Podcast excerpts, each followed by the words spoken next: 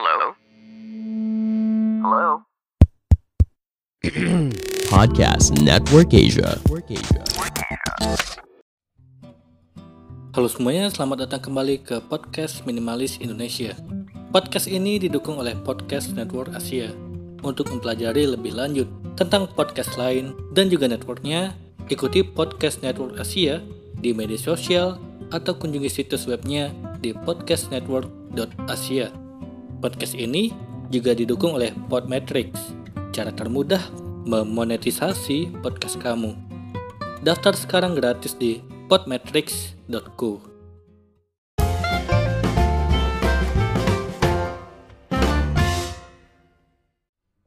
Halo semuanya, kembali lagi bersama saya Madianto. Kali ini kita akan membahas tentang manfaat berhenti membeli barang yang tidak kita perlukan. Kamu pasti pernah menghabiskan waktu selama berjam-jam di dalam pusat perbelanjaan ataupun di toko online untuk menemukan barang tertentu. Tapi pada akhirnya kamu menghabiskan terlalu banyak uang untuk hal-hal yang sebenarnya tidak diperlukan. Contoh tadi adalah salah satu kasus di mana banyak orang yang telah menjadi korban dari nafsu untuk hal-hal yang sebenarnya tidak diperlukan. Padahal kalau kamu berhenti membeli barang yang tidak diperlukan, ada beberapa manfaat yang bisa kamu dapatkan, seperti mendapatkan hubungan yang lebih baik. Setiap orang pasti menginginkan hubungan yang lebih baik dengan pasangan dan keluarga. Saat berhenti membeli barang-barang yang tidak perlu, maka hubunganmu akan lebih sedikit argumen, lebih sedikit stres, dan juga lebih banyak waktu untuk dihabiskan dengan keluarga. Kamu tidak perlu berdebat tentang kondisi keuangan, tentang utang yang menumpuk, dan lain sebagainya. Kedua, memiliki lebih banyak uang untuk disimpan. Tabungan yang dimiliki akan membuat perasaanmu menjadi lebih aman dalam hal keuangan. Oleh karenanya, kamu perlu memiliki kendali saat akan berbelanja agar lebih banyak uang yang bisa disimpan.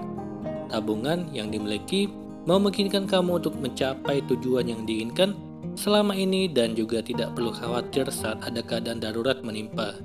Dengan adanya tabungan, kamu tidak perlu lagi khawatir saat harus kehilangan pekerjaan atau saat ada keluarga yang tertimpa sakit ataupun ketika musibah datang. Ketiga, mulai mendanai.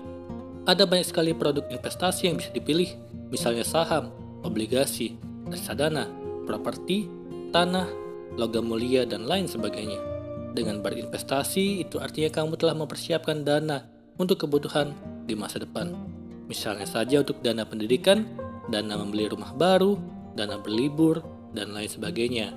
Berinvestasi jauh lebih bermanfaat daripada kamu hanya menghabiskan uang hanya untuk membeli barang yang tidak diperlukan. Keempat, lebih menghargai uang.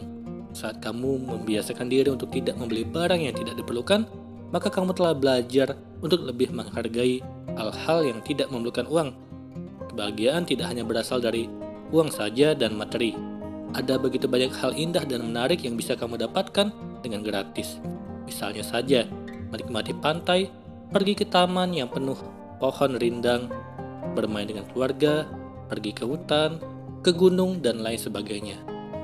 Kelima, mengurangi tingkat stres.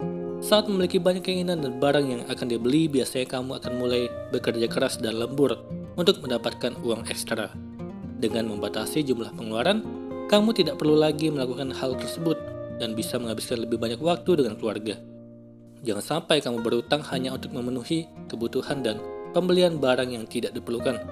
Stres akan mudah menyerang saat kamu telah terlilit banyak hutang yang harus dibayar. Beli barang yang dibutuhkan bukan yang diinginkan. Mulailah membiasakan diri untuk membeli barang yang sesuai dengan kebutuhan. Jangan terlalu mengikuti nafsu dan membeli barang yang tidak diperlukan. Dengan menahan pembelian secara berlebihan, maka kamu bisa menyimpan banyak uang, memiliki kesempatan untuk berinvestasi, dan jauh lebih menghargai kehidupan yang ada. Semoga pembahasan yang disampaikan bermanfaat untukmu. Sekian dan terima kasih.